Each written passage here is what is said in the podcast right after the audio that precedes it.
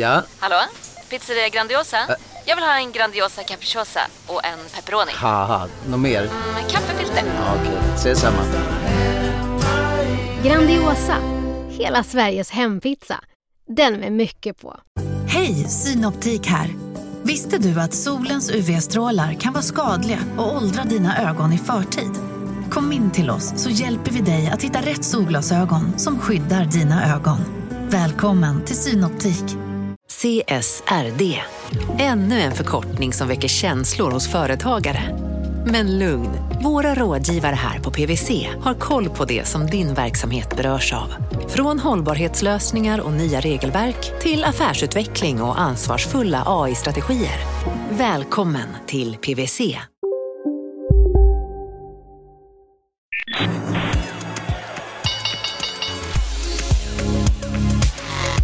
Här är Marknaden med Helene Rothstein.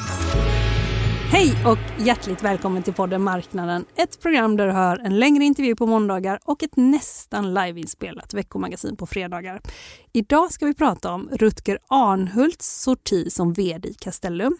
Vi ska prata om vikten av listbyten på börsen och att fackförbundet Unionen stämmer Klarna.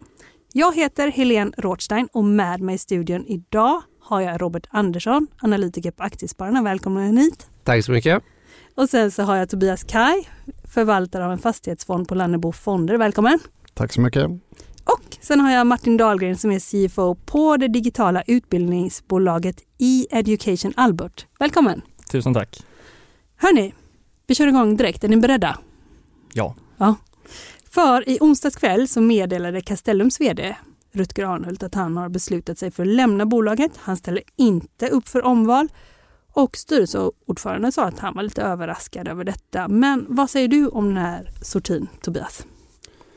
Ja, det är väl i visst avseende inte helt oväntat. Han har ju suttit som vd i form av den största ägaren ehm, och han är inte längre den största ägare utan har så att säga, ramlat ner på ägarlistan i och med att eh, han sålde 12% först till Akelius då, eh, som numera är den största ägaren. Um, och sen har det väl också varit jag vet inte om man ska säga att det har varit ett drev mot honom, men eh, det känns som att den svenska avundsjukan är väldigt stark och det finns väldigt många som gillar att kasta skit på, på entreprenörer så att eh, han har fått väldigt mycket så att säga, kritik i media eh, och jag kan tänka mig att han har haft ett, ett väldigt jobbigt år. Dels fundamentalt så är det väldigt mycket som har inträffat som man inte hade förväntat sig för ett eller två år sedan eh, och sen också kombinerat med liksom det den kritik som har funnits mot honom eh, och ja, jag vet inte, han är en väldigt emotionell person så jag tror att han har tyckt att det varit ett väldigt jobbigt år i det perspektivet också. Men den kritiken, eh, vad säger du, är det, vad syftar du på för kritik? Det är väl också mycket korsägande och sådär väl som också har kritiserats eller? Ja, men det är en intressant sak. Du lyfter upp korsägandet. Kan du ge ett exempel på korsägande i fastighetssektorn? ja men gud, det, det, finns ju hur mycket som helst. Eller att det är samma ägare till alla, hur många bolag som helst. Eller Corem och eh, Castellum och det är hur många som helst. Eller?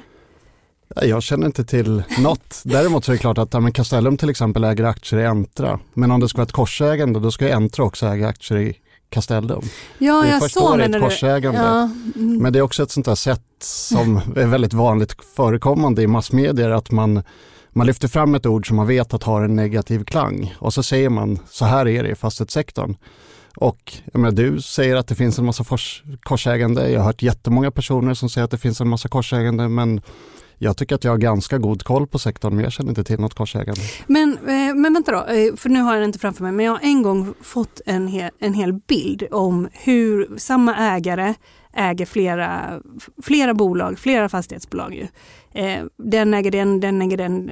Alltså det där känner du också till också, men du menar att man äger inte tillbaks, eller vad menar du för någonting? Nej precis, korsägande fanns det i svenskt näringsliv tidigare till exempel med, ja, Industrivärden och Handelsbanken och Industrivärden och SCA, att de ägde aktier i varandra och de på det sättet byggde liksom maktpositioner. Eh, så är det ju inte i fastighetssektorn. Däremot så finns det en mängd exempel på att fastighetsbolag äger aktier i andra fastighetsbolag. Ja, eh, okay. Och det kan man ha åsikter om. Det kan man men, tycka är både positivt och negativt. Men det är fortfarande inte ett korsägande. Nej okej, okay. men vad kallar du det då? Ja, delägarskap. Eh, delägarskap, okej. Okay. Eh, har, du någon, har du någon take på det här delägarskapet i eh, fastighetssektorn? Ja men precis som du är inne på så är det ju inte korsägandet men det finns ju ändå problem med det såklart när det kan uppstå intressekonflikter där några personer äger ganska stora positioner i många bolag eh, och där man kan fundera när fastighetsförsäljningar sker mellan de här bolagen. Vart ligger den här huvudägarens främsta intressen eller där man har störst position och så vidare. Så att det kan jag tycka är ett problem men eh, det, jag kan hålla med om att det blåses upp i media. Mm. Men jag, jag ifrågasätter inte att man kan problematisera delägarskap, men jag tycker fortfarande att man ska kalla det för vad det är. Ja, att det är delägarskap och inte... Ja, ja precis. Vad säger du Martin? Du är ju finanschef eh, på Albert som vi sa, men du är också småsparare, ganska aktiv och du är speciellt intresserad utav fastighetssektorn. Vad säger du om det här? Nej men eh, som nämnt så tycker jag det en nyanserad bild när man säger att korsägande finns ju de facto inte, men sen ska man väl ändå ta i beaktning att ja, men om massa bolag äger, eller så här, det finns ju ingen det, det, finns ju ingen riktig diversifiering av att ett fastighetsbolag äger ett annat fastighetsbolag. Sektorn är densamma, sen visst man kan komma åt en annan marknad eller liknande liksom, men det tycker jag ändå man ska beakta. Ja, ja nej, visst, intressant faktiskt. Eh, eh, och, men när man ser det på bild, den äger den, den äger den, då går ju alla pilarna går ju liksom, alltså det ser ju ut, det är inte ett spindelväv, där, så ser det inte ut, utan det går ju huller om buller som ett nystan kan man ju säga, ägarskapet. Eller? Ja, ja men det finns ju väldigt många olika kopplingar mellan olika bolag, så är det absolut. Okej, Robert, hur ser du på avhoppet förresten? Um, jo men uh jag är väl inte helt förvånad egentligen heller utan någonstans så det som förekommer mycket framförallt kanske i Dagens Industri när Kelius var ute och var väldigt kritisk mot eh, Rutger. Eh, hade jag varit eh, vd i den situationen när den största ägare går ut i riksmedia och kritiserar en väldigt hårt, eh, då kanske man inte hade velat vara kvar på sin post. Nej, och det har ju pratats om att det var ett sätt att få ner kursen väl, eller?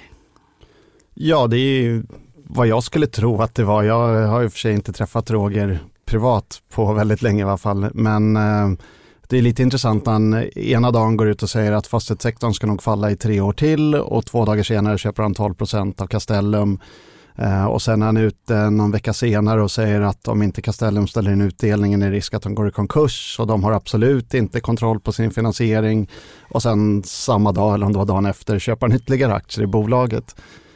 Så att det i min värld ger det intryck av att han snarare vill prata ner kursen för att kunna köpa fler aktier. Vad hade du gjort Martin?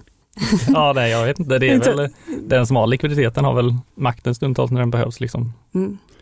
Och det ska man nog liksom reflektera över varje gång man läser något i tidningen när någon uttalar sig så är det 99 gånger av 100 eller oftare så uttalar man sig ur sin egen position så att säga som ju kan vara ganska svår att fatta på läsarsidan eller mottagarsidan. Vad, vad ligger bakom det här egentligen, eller? Ja. ja. Men man kan försöka tänka, tänka lite vad det, vad det kan vara, eller? Ja. Men eh, jag ska bara säga, eh, en helt annan sak, eller en annan sak inom fastighetssektorn det, som alla pratar om, det är ju den här obligationsväggen. Att det finns massa obligationer som förfaller 23-24. Det har jag rätt i alla fall, eller? Absolut. vad, vad ska man säga, är det rätt sak att hålla koll på fastighetsbolagens skuldsättning på det sättet? Vad säger du, Robert? Ja, men det är klart att eh, refinansieringsrisken är en jätteviktig eh, risk att beakta för många bolag, speciellt eh, många av de mindre tror jag. Det känns jätteviktigt. Man behöver skapa sig en uppfattning om hur stor chansen är att de löser sin finansiering och ungefär vilken ränta. Eh, vissa bolag har ju såklart möjligheten att gå över till bankfinansiering och vissa bolag kanske inte riktigt har den möjligheten. Så att eh, jätteviktigt. Vad säger du Tobias? Um, men det är självklart så att för ett år sedan så fanns det oändligt mycket pengar till ingen kostnad i obligationsmarknaden um, och det så ser det inte ut i dagsläget. Nu är det helt andra förutsättningar. Samtidigt så är det också så, om man ser massmedialt så eh, vill man ju så att säga kanske sticka ut i bruset och då vill man kanske måla upp stora belopp och, och så att säga skapa lite svarta rubriker för att attrahera intresse för en artikel till exempel. Um, och jag, jag tror inte att de stora investment grade-ratade bolagen kommer att få problem med sin refinansiering. Eh, däremot däremot är det klart att i många fall så kommer refinansieringen eller finansieringen bli betydligt dyrare än vad den har varit historiskt. Men man har ofta pratat om att ja, men det är över 100 miljarder per år som förfaller för svenska fastighetsbolag. Och det stämmer absolut, men en väldigt stor del av den volymen ligger i bolag som Vasakronan, Hemsö, Akademiska Hus, Rikshem, bolag som har Liksom, institutionella ägare med väldigt god kapitalsituation och som eh, liksom under hösten inte heller haft några problem att refinansiera sina obligationer. Och tittar man de noterade bolagen istället så ja, då är vi nere på ungefär halva den volymen. Um, så att om man tittar på de stora investment grade ratade bolagen så har de ungefär 35 miljarder per år i obligationsförfall de kommande 3-4 åren. Eh, de har i dagsläget ungefär 80 miljarder i outnyttjade kreditfaciliteter. De har en intjäning. Ehm, så att i det perspektivet så är jag inte särskilt oroad för att de kommer lösa sin finansiering. Sen är det klart att finansiering kommer inte kosta vad den hade kostat för ett år sedan. Eh, det är en stor skillnad i, i priset men men jag är inte speciellt oroad för att de inte kommer att lösa sin refinansiering. Är det något nyckeltal du tycker man ska hålla koll på här? Men lite grann blir det att det ratingbolagen fokuserar på blir viktiga nyckeltal eh, och ratingbolagen fokuserar väldigt mycket på belåningsgrader och på räntetäckningsgrader. Ehm, samtidigt är jag lite skeptisk mot belåningsgrad i och med att eh, beroende på vad du sätter för värde på fastigheter får det ganska stor inverkan på vad du har för belåningsgrad. Um, och tittar man istället på nettoskuld mot ebit som ett nyckeltal för att bedöma skuldsättningen så ser det ganska annorlunda ut om man tittar på fastighetsbolagen. Vad säger du Martin, du som eh, sitter och eh, som är CFO, så här, nettoskuld mot ebit, vad, vad säger du om det? Nej, men det tycker jag är ett bra nyckeltal att mäta. Alltså, ja, hur lång tid tar det för bolag att betala av skulden liksom? Eh, som, som nämns så de här förvaltningsfastigheterna i fastighetsbolag är ju en väldigt stor bedömningspost liksom medans ja, men, kassaflöde in eller driftsöverskott är ju ändå pengar på kontot. Eh, Apropå, håller du med om det? Vill du lägga till något eh, när du, om detta? Jag, jag håller med om det eh, fullt ut men just som du också var inne på att ratinginstitutens mått blir ju såklart väldigt viktiga. Så belåningsgraden går ju inte att förkasta på något sätt utan den är ändå väldigt viktig av sig. Eh, apropå detta lite grann så kom ju en nyhet idag om att Erik Selins Balder tar in 1,8 miljarder kronor i en riktad emission till AMF. Hur ska man förstå det här draget? Jag börjar med dig igen Tobias. Jag tror återigen att man ska tänka ur ett ratingperspektiv och som jag ser det så förklaringen är att Balder har två stycken hybridobligationer. Den ena förfaller i mars nästa år um, och uh, i dagsläget är det väldigt svårt att refinansiera en, en hybridobligation. Eh, och då avser Balder att betala tillbaka den, det beloppet så att säga, när obligationen förfaller. Eh, men om de gör det, då säger ratingbolaget att ja, men då ser vi den andra hybridobligationen också som 100% skuld eh, mot att det idag är 50% eget kapital och 50% skuld. Eh, och för att slippa få den så att säga, omklassificeringen av den befintliga hybridobligationen så behöver de emittera nytt eget kapital motsvarande det eget kapital som man tappar när man återbetalar den första hybridobligationen.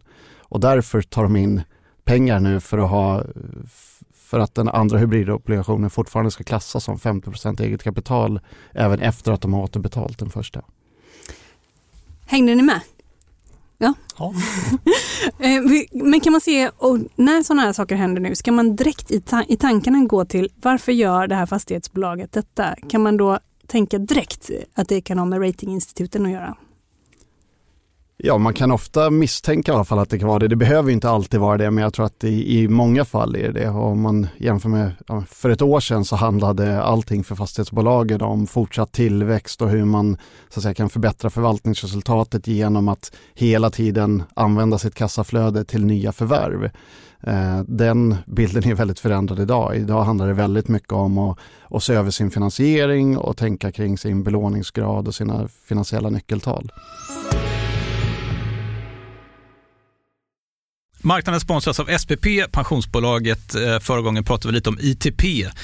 Och som en kort repetition så, så var det ju 70-tal, arbetsmarknadens parter bestämde att alla tjänstemän ska ha en tjänstepension. Man kom överens om vilka villkor som ska gälla i den här pensionen och så kallade man den för ITP.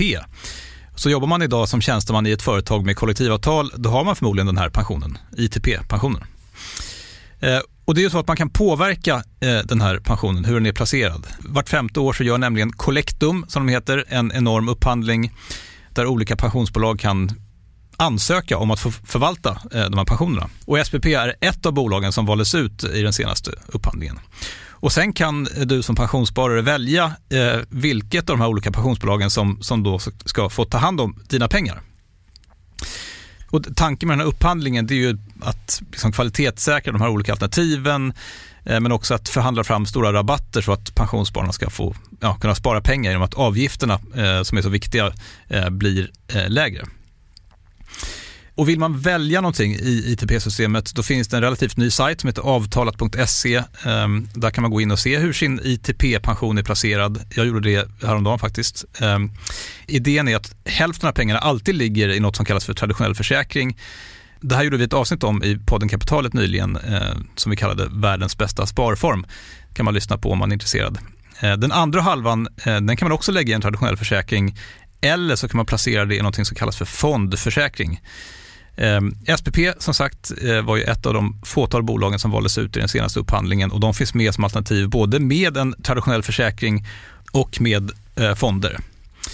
Så det var en liten bakgrund till ITP-systemet. Vill man läsa mer om det här eller typ kolla hur ITP-pensionen är placerad, ehm, kanske göra förändringar, då går man in på avtalat.se Eh, men tack säger jag till SPP som vill göra oss människor mer medvetna om hur enormt viktig pensionen är för oss som en framtida lön, men också som en positiv kraft i samhället eh, och förstås för att ni möjliggör eh, den här podden Marknaden.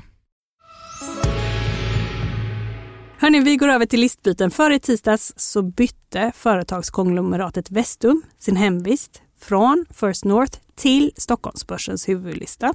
Och eh, på torsdag i nästa vecka så är det Embracers tur. Att ett bolag byter upp sig till huvudlistan från någon av sidolistorna, det är en kvalitetsstämpel. Man pratar också om ökade flöden till aktien, inte minst från utländska investerare. Och det går att göra klipp på den här flytteffekten, men den positiva effekten den kommer kanske snarare än vad man tror. Detta skrev Dagens Industri lite om i veckan. Och Martin, du har tittat lite närmare på det här, eller hur? Ja, exakt. Eh, så som du nämner så har ju den gamla sanningen varit att när ett bolag byter från ja, First North till exempel till Stockholmsbörsen så möjliggör det utländskt ägande, det är kanske fonder som har möjlighet att köpa bolagen, eventuella indexfonder som måste köpa bolagen beroende på storlek och då har man velat tro att okay, men i samband med listbytet eller precis efter, då kommer det komma ett naturligt köpflöde i aktien som kommer få den att stiga. Eh, men det som DI skrev artikel om som var väldigt intressant var ju att effekten ligger snarare innan listbytet än efter, eh, vilket då går emot liksom, logiken i det. Men det påvisade ju både Vestum nu, Embracer har ju varit starkt de senaste dagarna efter att de då annonserat att de skall byta. Eh, Fortnox hade väldigt, väldigt stark uppgång i våras innan de gick över till Stockholmsbörsen. Eh, och då kan man ju så här, ja, vad är det som har gjort den här förändringen? Då är det att folk positionerar sig innan för att vara med på en potentiell uppgång som sedan uteblir när effekten redan har kommit och att de snarare då driver nedsidan eller liknande. Så ja, intressant att eh, gamla sanningar eh, ses över helt enkelt. Eh, och för man såg väl i den artikeln nästan tvärtom att eh, det faktiskt eh, på liksom listningsdagen, då går det ner. Exakt, ja, men på de exemplen som de hade så var det så. Sen på något sätt är det svårt att hänföra endast ett listbyte till en kursreaktion. Liksom. Börsen är ju väldigt, väldigt komplex det, det kan bli svårt saker. att förklara. Men, ja. men som du säger, så det som eh, DI drog fram var ju att amen, eh, de, ofta så laggar bolagen mot OMX eller liknande efter att de har bytt lista liksom 30 dagar efter eller så, vilket ja men kanske går emot vad man vill tro. Eh, Robert, du har ju koll lite på Embracer kan man säga. Ett listbyte, det har man ju pratat om hur länge som helst. Jag vet att jag intervjuade Wingefors. jag vet att jag intervjuade Lars Wingefors och åkte runt med honom, det är typ två år sedan. Och då pratade man om listbyte för Embracers del, eh, att det var ganska aktuellt. Det har ju tagit väldigt, väldigt lång tid. Men vad betyder det för Embracer skulle du säga? Ja, men, eh, lite som du är inne på så tror jag kanske inte att eh, det har så stor effekt som man gärna vill tillskriva det. Jag tror att marknaden är mer effektiv än vad man kanske vill tro. Det är alltid skönt att se en möjlighet till att tjäna snabba pengar någonstans. Men, så nej, jag tror kanske inte att effekten blir jättestor. Eh, det som blir väldigt bra tror jag för många småsparare som jag träffar ofta, det är ju deras ändrade redovisningsprinciper som de börjar med redan detta verksamhetsåret. De har brutit som börjar 1 april. Sen gick gick över till IFRS som de måste följa på Stockholmsbörsens huvudlista och det kommer göra redovisningen mer lättläst för småsparare. Så det tror jag nästan har större effekt faktiskt eh, för eh, småspararna än att det här listbytet skulle möjliggöra jättemycket kapital för de har haft möjligheten att ta in, som vi sa, utländskt kapital också redan innan. Eh, vad säger du om det, det nya IFRS? Ja men eh, det stämmer ju definitivt. Den stora skillnaden eh, när de gick över till IFRS är ju liksom att ja, men goodwill inte behöver skrivas av till exempel. Så det är en effekt som, som uteblir, vilket är viktigt att man har koll på om man kollar på siffrorna, även om de då ändrar alla jämförelsetal så att allt är IFRS. Eh, men eh, och annars är det väl liksom, det möjliggör ju, ja nu har ju Embracer haft en väldigt, väldigt god likviditet i aktien trots att de har varit på First North, men potentiellt när de liksom gör kommande emissioner till nya eh, liksom ägare så kanske de känner att ja, men det är lättare att handla en aktie på eh, Stockholmsbörsen. Så där kan det möjliggöra att ja, men vid nya eh, nyemissioner så har de möjlighet att nå ut till andra aktieägare som kanske inte ser First North som en ja, riktig lista så att säga. Kan man också tänka att man kan ha det vid förvärv för att man kan också köpa in sig då i Embracer har ju varit eh, att det blir viktigare när man finns på Stockholmsbörsen eller det är inte alls relevant? Alltså jag tror väl det att eh, ja, men om en säljare då, om Embracer är köpare, så kanske säljarna är mer villiga att ta aktier för att de säger att ja, men det är på en reglerad marknad som Stockholmsbörsen är liksom och det kanske möjliggör då att eh, de kan eh, nyttja aktien mer vid kommande förvärv. Det är potentiellt en effekt. Men är detta det största som finns i Embracer just nu eller vad säger du Robert? Ja, men det händer ju alltid saker i Embracer. Det var väl så sent som idag som det kom eh, nya partnership-nyheter. Det kommer komma fler som de redan har annonserat senaste kvartalsrapporten. Men eh, Embracer är ett jättespännande bolag. Eh, det är ju lite konglomeratsvin på spelsektorn och jag tror att det är helt rätt vi att ta på det. Jag tror att man gynnas ganska mycket av att, stor, av att vara stor i den sektorn och det minskar den kortsiktiga risken i samband med stora spelsläpp och så också. Så att eh, Embracer är ett jättespännande bolag. Eh, jag gillar bolaget. Eh, jag är en eh, köpstämpel på bolaget. Jag, eller jag ska säga att de kommer ju med en lite svagare kvartalsrapport här senast. Så marknaden jag följer ju också på, på rapport. Ja. Väldigt mycket. lite svaga marginaler där framför allt och lite besvikelse kring spelsläpp. De sänkte helårsguiden Det var ju deras Q2 ska jag säga så att de har ju en del kvar fortfarande på det året de är. Men eh, över tid så tror jag att de ska kunna få upp den där marginalen lite Eh, och eh, eh, väldigt fin organisk tillväxt, lite dopad av de här spelsläppen såklart. Men det, jag tycker det ser billigt ut just nu och det ser billigt ut på flera håll i spelsektorn. Det har ju tryckts ner väldigt mycket under 2022 så att eh, det är en spännande, ett spännande bolag och en spännande sektor att följa. Det har ju tryckts ner jättemycket överlag bland techbolagen. Ni gick ju till börsen, Martin. Eh, och eh, vad är det, det var samma dag som något annat bolag, vilket bolag? Exakt, så vi eh, i Education Albert AB noterades första oktober förra året och det var samma dag som Emils hus också. Ja, just det, fastighetsbolaget ja. Exakt. ja de känner du till? Absolut. Ja. ja, just det, och det har inte gått så bra för er på börsen. På börsen, eh, aktien har ju eh, gått ner sedan notering, men om man, så det är väl lite så här, vad har gått bra? Aktien eh, kanske inte jättebra, men om vi kollar på vår verksamhet så ser vi fortfarande att vi har växt ja men, våra årliga återkommande intäkter med nästan 100 procent på ett år. Vi har gjort ett förvärv i början av 2022 för att bredda oss för att även ha liksom en B2B-verksamhet mot bara vår tidigare B2C-verksamhet. Så vi ser att vi Vänta lite, och B2C, för ni, jag tänker att ni håller på med läxhjälp men inte riktigt va? Nej exakt, så, det vi gör är att vi tillhandahåller en appbaserad utbildningsplattform. Ja, eh, matte. Eh, matte främst, eh, ja. men vi har även lanserat liksom modersmål, engelska, eh, lite grundläggande programmering. Så vi har, ja. Och B2C förstår jag, men B2B är eh, skolor eller? Exakt. Ja, okay. Mm. Eh, men ni tjänar inga pengar va? nej, det stämmer. Det, det måste man göra, eller? Ja, men, men, så som vi ser det så att eh, liksom, på, på sikt kommer vi tjäna pengar och liksom för varje ny kund eh, som vi tar in så tjänar vi ju pengar, men det finns ett visst lagg när vi ja, betalar marknadsföringskostnader för att få in dem gentemot sen när de liksom börjar betala sina prenumerationstjänster för att ticka in pengar till oss. Liksom. Så så länge vi investerar för tillväxt så finns det ju ett visst glapp i de kostnaderna. Liksom.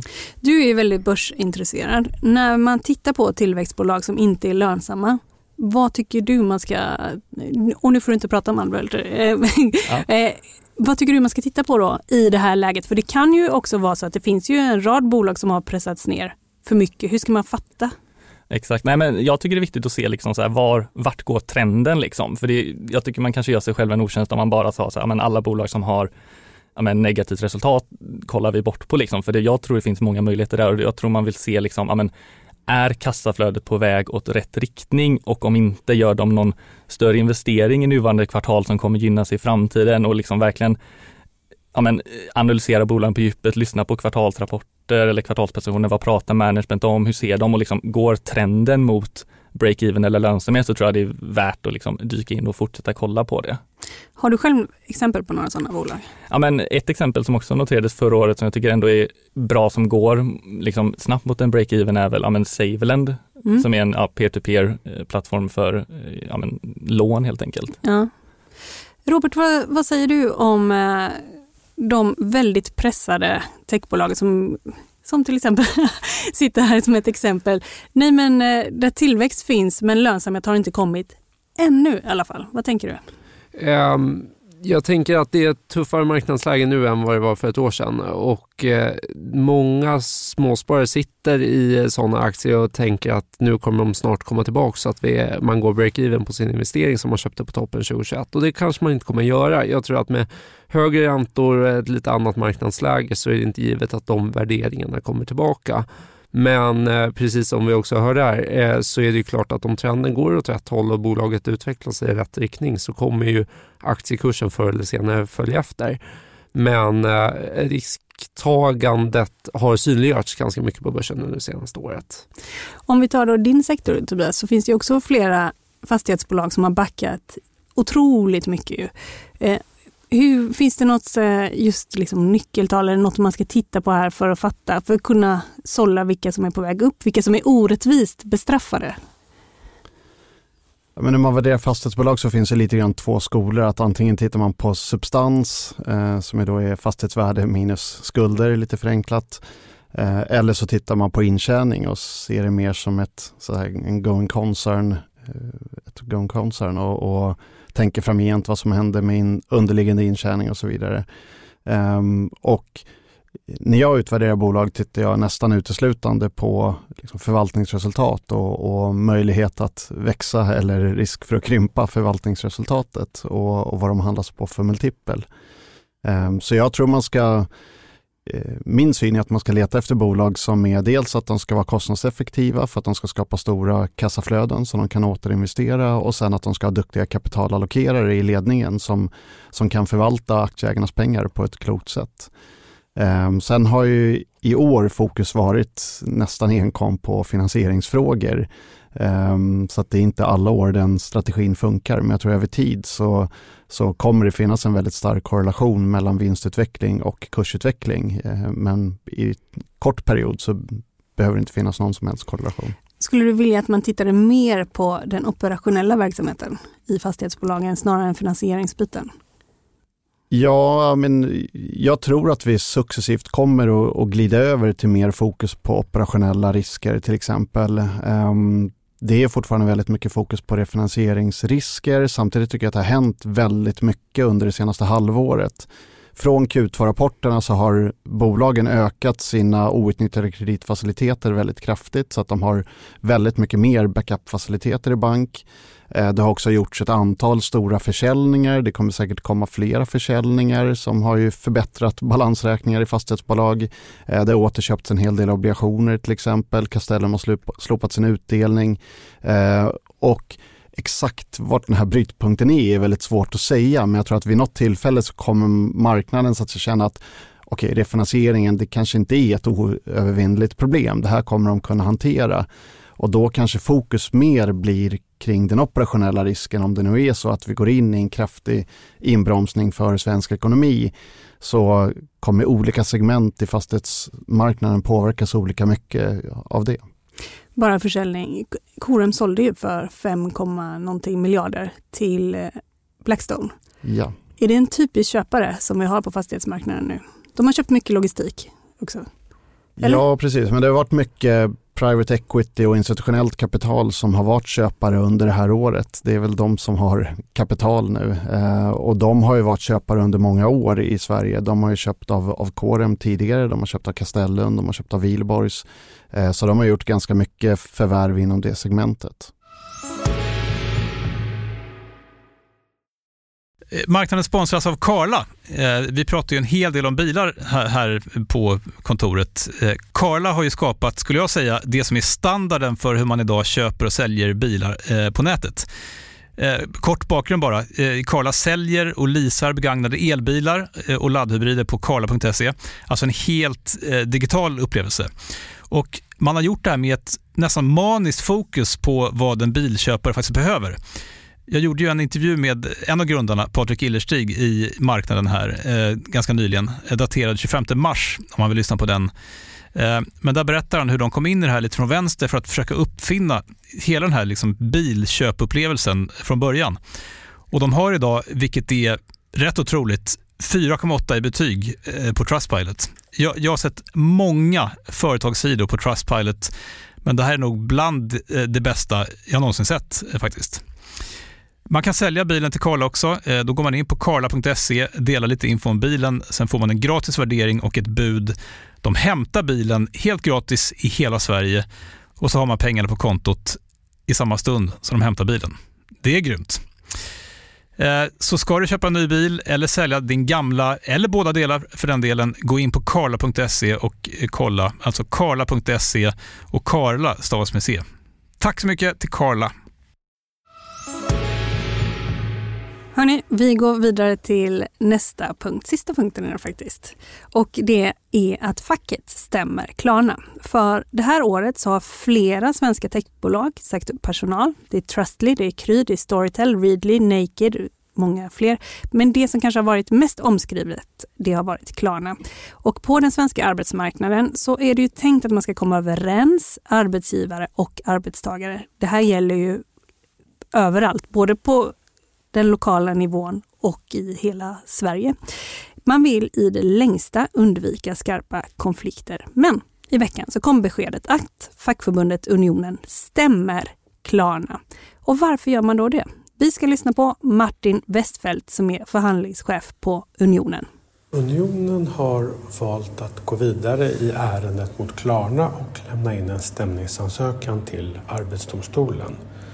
Skälet att vi gör detta är att Klarna då enligt vår uppfattning brutit mot skyldigheterna i medbestämmandelagen.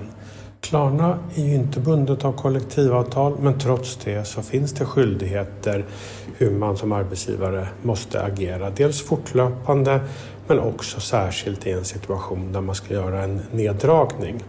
Dessa skyldigheter har inte Klarna iakttagit och då har vi först haft tvisteförhandling under flera månader med bolaget och nu valt att gå vidare till domstol när vi inte kunde komma överens. Klarna är ju ett relativt, relativt nystartat bolag som har vuxit snabbt och det är inte helt ovanligt att nya verksamheter som expanderar kanske tror att man kan klara sig utan så att säga, de vanliga reglerna som övriga följer på arbetsmarknaden. Så Klarna utmärker sig ju genom att inte ha kollektivavtal och dessutom då inte ens följa de regler som gäller även för bolag som saknar kollektivavtal. Och det är skälet då till att vi tar det här ärendet vidare till domstol efter att vi inte har kommit överens i tvisteförhandling. Jag vill bara säga att det som du sa tidigare Tobias var ju så här, varför säger någon någonting, varför gör någon någonting? Det som var ganska intressant när jag började fördjupa mig lite i det här, det var att det här pressmeddelandet från Unionen, det gick ut innan man hade skickat in en stämningsansökan till Arbetsdomstolen och det gick också ut innan Klarna hade fått ta del liksom, av den här stämningsansökan som skulle komma. Eh, och eh, så när jag hörde av mig till Klarna igår kväll, nu tror jag att den har kommit in, eh, då så sa Klarna så här att gällande unionens stämningsansökan så är faktum att vi inte har mottagit den ännu och därför så kan vi naturligtvis inte kommentera. Och det här gör ju då att det laggar ju lite att vi har en part som kan berätta varför man gör någonting och en annan part som inte kan säga någonting. Så man får hålla utkik här när de har läst stämningsansökan som har trillat in. Men jag har ändå kontaktat en advokat som heter Åsa Erlandsson som är arbetsrättsjurist på Zettervalls. Eftersom vi har en uppsägningsvåg inom ganska många nya bolag nu så undrar jag, är detta en trend som håller i sig? Och vi ska höra vad hon säger här. Jättespännande tycker jag.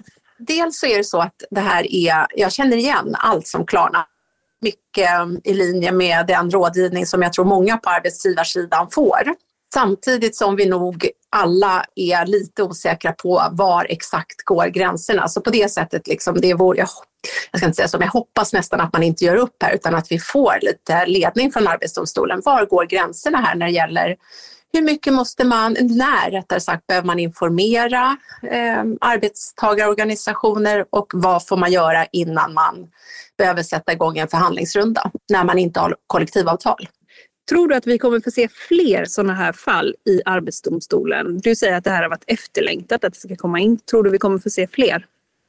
Jag vet faktiskt, det är inte svårt att säga. Det, generellt sett så är det ju så att Arbetsdomstolen har ju liksom mycket, mycket mindre att göra nu för tiden än vad man har haft traditionellt. Vi får inte lika mycket rättsfall från Arbetsdomstolen för saker och ting görs upp på annat håll. Precis som i det här fallet med Klarna så gjorde ju Klarna upp med Finansförbundet. Det är Unionen som har stått på sig och sagt, eller jag vet inte vem som har stått på sig, men det är bara med den ena fackföreningen man inte har lyckats hitta en lösning. Och det är, det är det vanliga sättet att saker och ting löser sig på i arbetsrätten, att man ja, men kommer överens. Och så har det verkligen sett ut den sista tiden. Men det är klart, tiderna ändras eh, och vi har haft ganska goda tider länge. Vi har inte sett så mycket stora uppsägningar och sådär. Så kanske är det så att vi kommer få se en ändring framåt. Eh, den som lever får se. Men du tycker det är intressant för att det saknas vägledning när man inte har kollektivavtal. Då förstår jag det rätt? Ja, så tycker jag. Så vad man än kommer fram till här, för när man har lämnat in en stämningsansökan till Arbetsdomstolen, då kommer den att tas upp. Vet man det? Nej, tyvärr vet vi inte alls om vi kommer få en dom här.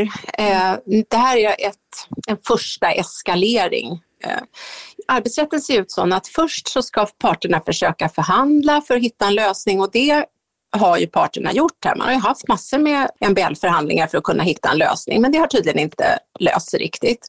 Och då blir nästa steg, kommer man inte överens, då kan den part som är missnöjd eller den part som vill och i det här fallet då arbetstagarsidan gå vidare till Arbetsdomstolen och liksom rättsligt ställa krav. Inte bara förhandlingsmässigt ställa krav utan rättsligt ställa krav i en domstol. Men det finns fortfarande massor med tillfällen för parterna att göra upp. Och jag skulle vilja säga att den svenska liksom, rättsprocessen går fortfarande ut på att försöka se om parterna inte kan träffa en överenskommelse. Och om det kommer hända här eller inte, ja det beror väl på hur eh, sugna eh, parterna är på att få till en eh, dom här. Vill man att Arbetsdomstolen ska uttala sig om det här eller tycker man att det som finns funkar bra? Vi har haft så bra tider så man vet för lite om hur det kommer gå i sådana här tvister som kanske då kan komma. Men att det är många startup-liknande bolag som eh, kanske krymper sin personal, vad får det för konsekvenser Tobias? Det får säkert en mängd konsekvenser. Jag tänkte kanske, tänker kanske närmast utifrån ett fastighetsperspektiv. Vi tar det, det perspektivet. frågan avser, men eh, Ja, den andra frågan får du svara på sen Martin. Ja, du, ifall ni ska säga upp personal. Ja. Man kan ju konstatera att både techbolag och fastighetsbolag har haft den här kranen av pengar så att så fort pengar har behövts så har det bara varit att vrida på kranen och så har det sprutat ut. Um, och uh, det finns ju väldigt många techbolag som inte haft en lönsamhet och som så att säga, verksamheten har byggt på att man successivt kan plocka in nya pengar. Eh, och om den möjligheten inte finns längre då blir det ett annat fokus. Då handlar det om att, att få ner kostnader och få upp intäkter för att, för att skapa lönsamhet. Eh, och vi har sett, som du var inne på, väldigt mycket uppsägningar. Sen har man inte sett några effekter på hyresmarknaden av det här ännu. Eh, men dels så kan det bero på att Hyresavtal är ofta ganska långa, du kanske har tre eller fem eller till och med sjuåriga hyresavtal. Så även om du säger upp personal nu under hösten så kanske du inte säger upp ditt hyresavtal förrän som 18 månader till exempel. Um, Men vilka fastighetsbolag är mest sårbara i ett sånt läge om man skulle gå in i arbetslöshet säger vi? Men man brukar ju i sig säga att historien inte upprepar sig men att den rimmar och tittar man historiskt sett så när vi har gått in i, i lågkonjunkturer så är ju Stockholms innerstad den hyresmarknad som haft den största påverkan där har haft mest volatila hyresnivåer. Går man till regionstäder eller mindre städer så är hyrorna ja, i stort sett oförändrade oavsett konjunkturläge. Det följer liksom KPI-index men ingenting, inga andra rörelser i stort sett. Men i Stockholm har det varit ganska volatilt. Um, så att i det perspektivet så tror jag att om vi ser fortsatt våg av uppsägningar och eh, liksom minskad efterfrågan på kontorslokaler så är det ju de bolagen som har stor exponering mot Stockholm som drabbas. Och vad är det, det, det är för Fabege till exempel? Ja, det är väl i första hand kanske huvudstaden som har ja. störst exponering mot Stockholms innerstad och sen i andra hand Fabege. Mm. Eh, vad, vad, säger du, håller du koll på de här techbolagen nu eh, om det kommer uppsägningar mera och sådär personal? Vad säger du Robert? Um, jo men det tror jag att det gör och uh, om vi bara kollar på bolagens effektivitetsperspektiv och inte tänker på det arbetsrättsliga så tror jag att det är ganska sunt. Vi, nu har vi gått ganska många år utan en riktig lågkonjunktur. Pandemin räknas inte riktigt med alla statliga stöd. Det var, gick nästan inte att säga upp folk för det fick så mycket stöd. Så att jag tror att det är sunt att tidvattnet då och då försvinner. Man krymper, man effektiviserar, vilket vi både har sett i Sverige men även på de stora amerikanska techjättarna och så vidare. Eh, så att jag tror att det är en del av det naturliga ekonomiska spelet. Att ibland så är det högkonjunktur och det går lite bättre och så växer man personalstyrkan väldigt mycket och sen så kommer lågkonjunkturen och då tajtar man till lite. Så att eh, jag ser ändå något sunt i det också. Martin, ni sitter ju i Göteborg va? Ja, det stämmer. Ja, det är bra, då sitter ni lite säkrare eller lite billigare? Ja, nej, men det, det vill jag väl tro i alla fall. Ja. Vad säger du, ska ni säga upp någon personal? Hur det ser ut? Eller hur ser det ut hos er? Nej, alltså vi har ju försökt, eller vi är väldigt liksom kostnadsmedvetna och liksom säkerställer att vi inte drar på oss en alltför stor kostnadskostym liksom och därav har inte vi behövt eh, säga upp någon personal. Nej, överhuvudtaget. Får jag bara fråga, eh, man pratar ibland om edtech-marknaden som du är inne på. Kan du inte bjussa bara, vad är det den växer på vidare liksom, samtidigt som massa andra saker minskar och vad ska man hålla koll på där framöver? Alltså det som jag skulle säga, det finns ju ett skifte, liksom skolan historiskt har varit ganska liksom eh, analog eller liknande, där liksom särskilt skolor, eh, skolväsendet behöver liksom digitaliseras och där kan man ju där kan man ju liksom tillhandahålla eh, mjukvara eller program för att möjliggöra så att lärarna kan effektivera, effektivera sin tid så att inte de behöver ha samma dragning för alla elever. Om det är någon som är längre fram i kurvan och någon som eh, lägger efter så kanske fokuset kan ligga på, på de som behöver hjälpen och inte liksom one size fits all. Så där tror jag edtech-marknaden har en stor möjlighet att effektivisera skolan. Eh, och sen rent om man kollar på B2C-businessen så är det väl snarare att ja, men den historiska lösningen som har funnits är liksom ja, men läxhjälp i hemmet, men det är en ganska dyr tjänst som ganska få, eh, i alla fall i Sverige, har råd med att betala det är en månatlig kostnad för att någon ska komma hem och lära sina barn och då kan ju vi, ja men nu talar jag lite egenbok, men då kan ju vi tillhandahålla en tjänst som möjliggör att man i en app på sin iPhone eller padda liksom kan lära sig i sin egna takt med en månatlig kostnad på ja, men, mellan 100 till 180 kronor beroende på vilket abonnemang man har. Vilka andra börsnoterade bolag håller du koll på inom den här sektorn? För skolan har ju varit analog och är ju i hela världen ju. Mm. Det beror väl på vad man definierar som edtech, men en av de stora är väl liksom Kahoot i Norge. De riktar sig ju liksom både mot eh, bolag men även mot skolor. Eh, och sen ja men Skolon var också ett bolag som noterades eh, tidigare i, i våras, men det, det är inte jättemånga så här, eh, rena edtechbolag som finns på, på i alla fall inte den europeiska marknaden. Börsnoterade. Okej, vad skulle ni säga, var och en här nu får avsluta, vad är det viktigaste att hålla koll på inför det första kvartalet, första delen av året 2023. Vad säger du Robert? Oj, stor fråga. Eh, nej men någonstans efterfrågan på bolagets produkter. Eh, no, vi har många konsumentbolag på Stockholmsbörsen. Konsumenten viker mår ganska dåligt. Eh, men även lite hur sprider sig till industrin och så vidare. Eh, det kommer jag verkligen hålla ögonen på. Hur ser efterfrågan ut? Du Tobias, vad säger du? Jag håller helt med, jag var inne på det tidigare, att jag tror att för fastighetssektorns del, sektorns del så kommer man flytta fokus lite grann från att nästan uteslutande fokusera på refinansieringsrisk till att mer också titta på operationell risk och så att säga, vilka segment som håller uppe och vilka segment som viker. Och du då Martin, vad säger du?